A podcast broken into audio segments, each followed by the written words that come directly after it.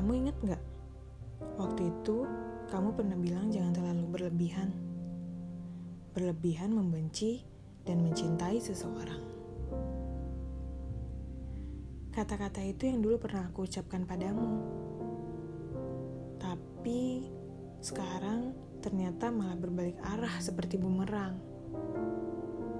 Kini aku ingin katakan padamu ternyata perasaan itu begitu dinamis.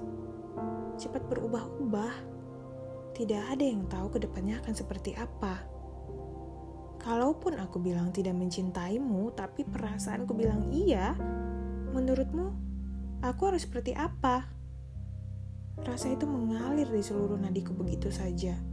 Walaupun pikiranku bilang, sudah cukup. Dia tidak menyayangimu sama sekali.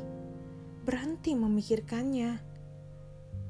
Kamu tahu, aku benar-benar tidak bisa mengendalikan perasaanku. Tapi aku harus bisa mengikuti logikaku agar aku tidak hanyut di dalam cinta sendiri.